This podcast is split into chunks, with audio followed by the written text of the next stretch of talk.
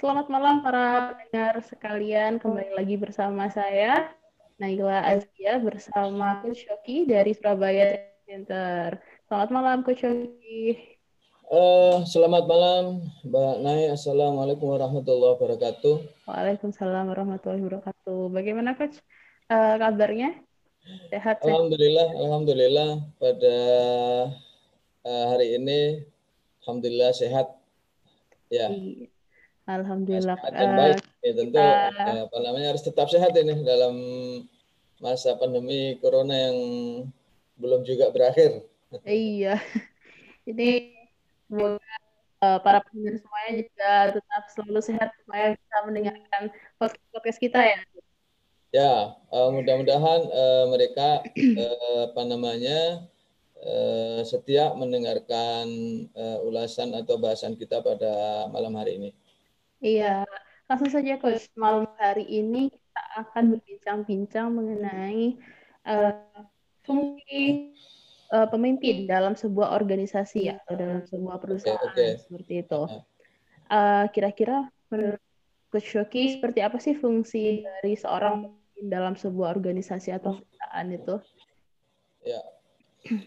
Oke, okay, uh, baik. Selamat malam. Assalamualaikum warahmatullahi wabarakatuh uh, para pendengar uh, Surabaya Training Center atau apa acara kita pada malam hari ini uh, ngobras ya ngobrol santai ya?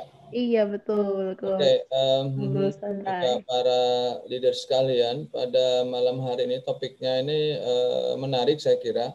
Tadi sudah disampaikan oleh Mbak Nai. Uh, kita akan membahas masalah apa fungsi uh, pemimpin di dalam organisasi ya. Ya.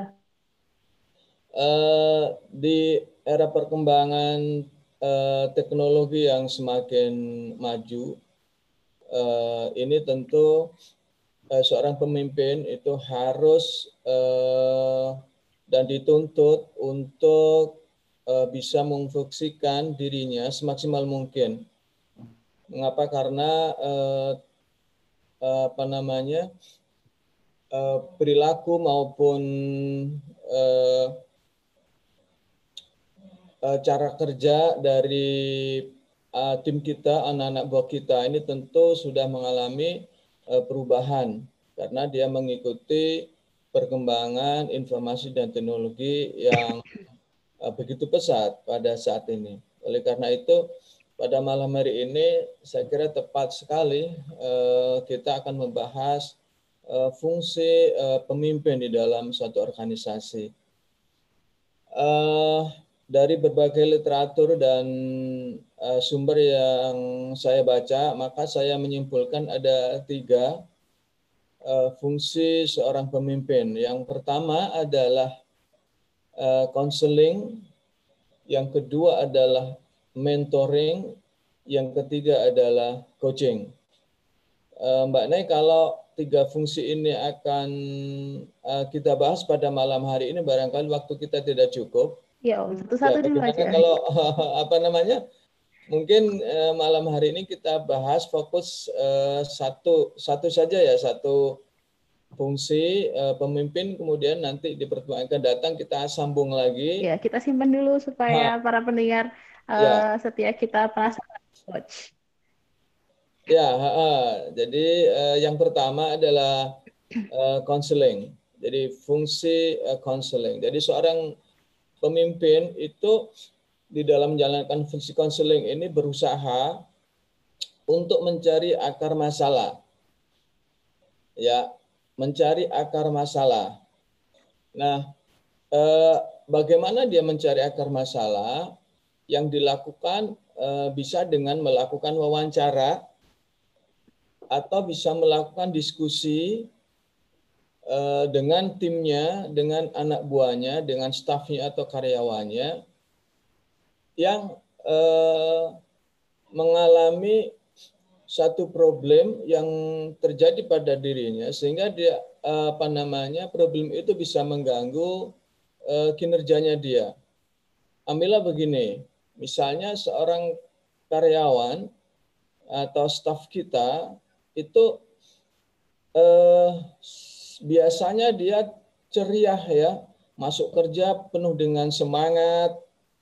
Kemudian eh, karena terjadi sesuatu atau entah apa, dia tidak terlalu bersemangat untuk eh, kerja. Dia murung, kemudian dia seakan-akan apa namanya ada sesuatu yang mempengaruhi pikirannya dia sehingga eh, pekerjaannya dia tidak fokus dan dia bisa bikin error.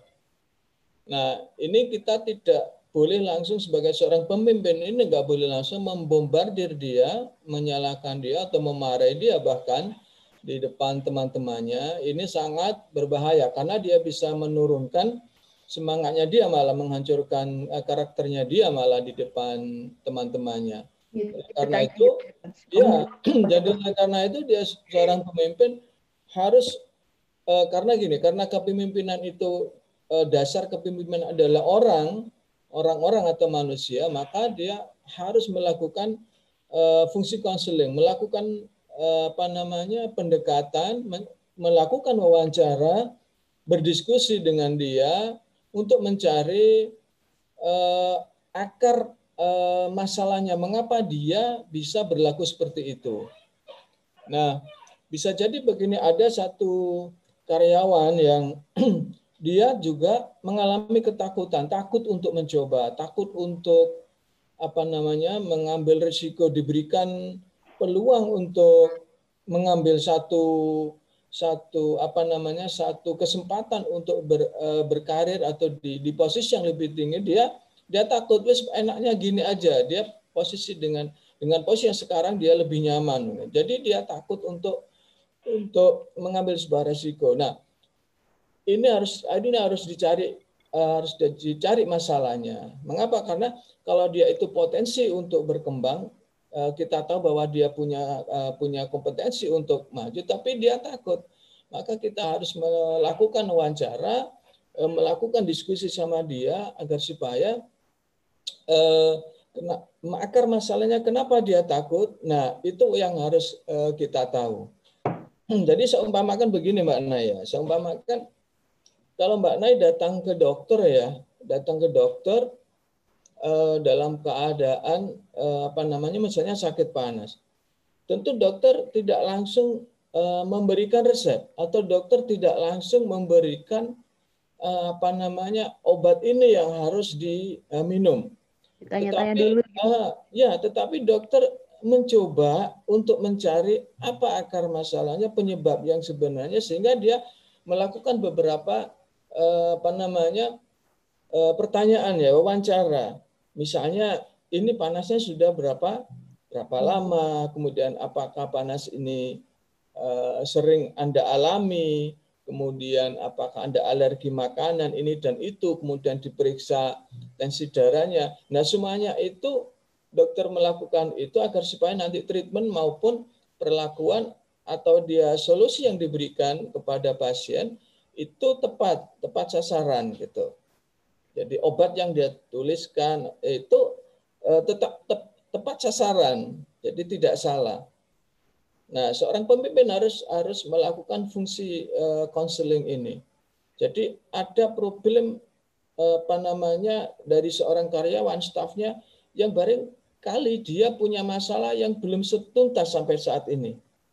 Belum tuntas sampai saat ini dia mungkin dulunya sering dimarahi, dulunya sering apa, mendapat perlakuan kasar dari atasannya, mendapat perlakuan kasar dari orang lain, sehingga itu akan membentuk pribadinya dia, akan membentuk cara dia bersikap dan seterusnya. Nah ini yang harus apa namanya dikaji, ini yang harus dicari, harus harus apa namanya harus dilakukan konseling. Nah itu uh, apa namanya salah satu fungsi yang harus dilakukan oleh seorang pemimpin dalam satu organisasi. Baik, uh, berarti ya. harus ada kedekatan secara personal seperti, uh, seperti itu ya, Coach, antara seorang pemimpin dengan orang-orang yang dipimpinnya. Nah, uh, pertanyaan saya nih, Coach, hmm. penasaran hmm. nih, Coach, kira-kira kalau misal uh, dalam satu organisasi yang cukup besar, lalu uh, atau perusahaan yang cukup uh, banyak staffnya seperti itu. Yeah. Bagaimana uh, mereka para pemimpin-pemimpin ini tadi bisa menjalankan fungsi konseling, sedangkan hmm. untuk dekat secara personal dengan satu persatu staff itu juga mungkin tidak bisa dijamin semuanya dekat seperti itu atau mungkin ada tips-tips dari Coach Yoki mengenai bagaimana menjalankan fungsi konseling yang baik bagi seorang uh, pemimpin seperti itu Coach. Ya, uh, baik. Jadi begini, organisasi yang besar atau perusahaan yang besar itu akan terbagi dalam beberapa departemen. Nah, akan terbagi dalam beberapa divisi kan Kemudian divisi itu bisa jadi terbagi lagi dalam beberapa unit. Nah, eh, pemimpin itu pemimpin itu eh, melekat pada eh, jiwa pim, apa namanya manajer, melekat pada jiwa supervisor, melekat pada jiwa pimpinan unit dan seterusnya. Sehingga itu dituntut. Jadi jadi eh, apa namanya fungsi konseling ini itu tidak hanya dimiliki oleh pimpinan yang yang tertinggi dalam sebuah organisasi. Kalau organisasi yang besar misalnya kalau eh, apa namanya dia direktur utama, dia tentu tidak bisa mengawasi atau melihat secara apa namanya eh, secara lebih dekat lagi itu kepada setiap personel kan setiap setiap karyawan. Staff-staffnya gitu ya. ya. Betul. Tetapi kan uh, makanya ini harus di, di, dilakukan oleh uh, uh, oleh manajer masing-masing divisi. Dia akan lebih dekat. Jadi dia terdesentralisasi seperti itu ya, Coach. Ah, dia akan lebih dekat dengan dengan bawahannya, dengan timnya. Nah, oleh karena itu eh, kepemimpinan ini memang eh, harus di, di, dilatih, ya harus dimiliki oleh setiap eh, manajer, supervisor ataupun pimpinan unit, gitu. Jadi tidak tidak hanya mengacu pada pada pimpinan tertinggi atau direktur utama. Jadi tidak tidak seperti itu.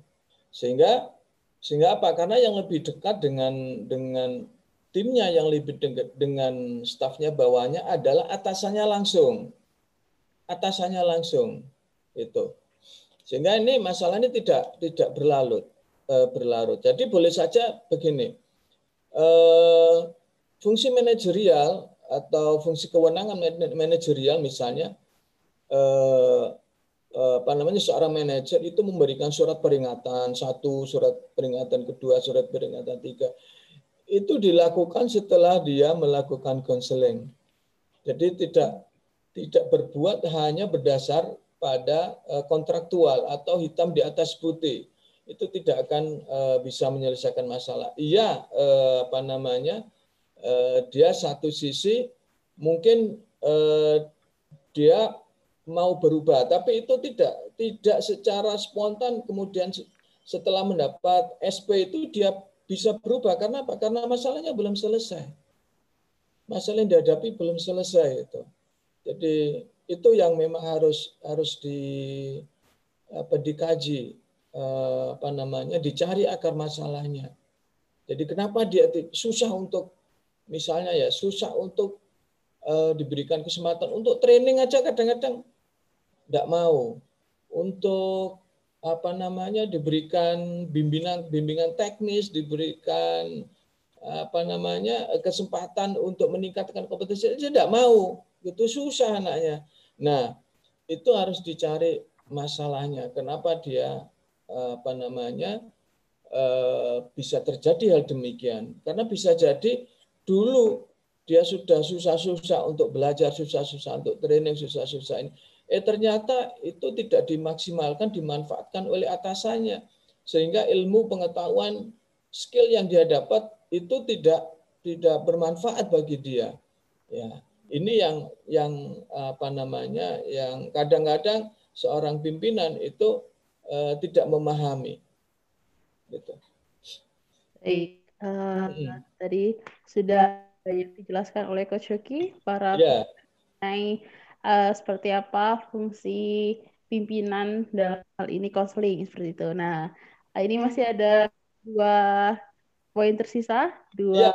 Ya, ya. tapi kita akan lanjutkan lagi. Ya, rasanya malam ini eh, apa namanya waktunya tidak cukup ya untuk membahas semuanya ya. Iya bisa sampai malam kalau semua itu. Baik. Ya, ya. Kalau itu kita akan lagi minggu depan. Jangan lupa terus saksikan uh, podcast ngobrol santai sama Surabaya Training Center bersama okay. Coach dan saya. Terima kasih. Ya, untuk malam ini kita cukupkan dulu. Saya akhiri. Wassalamualaikum warahmatullahi wabarakatuh. Terima Waalaikumsalam warahmatullahi wabarakatuh. Sampai jumpa kembali dua minggu ke depan.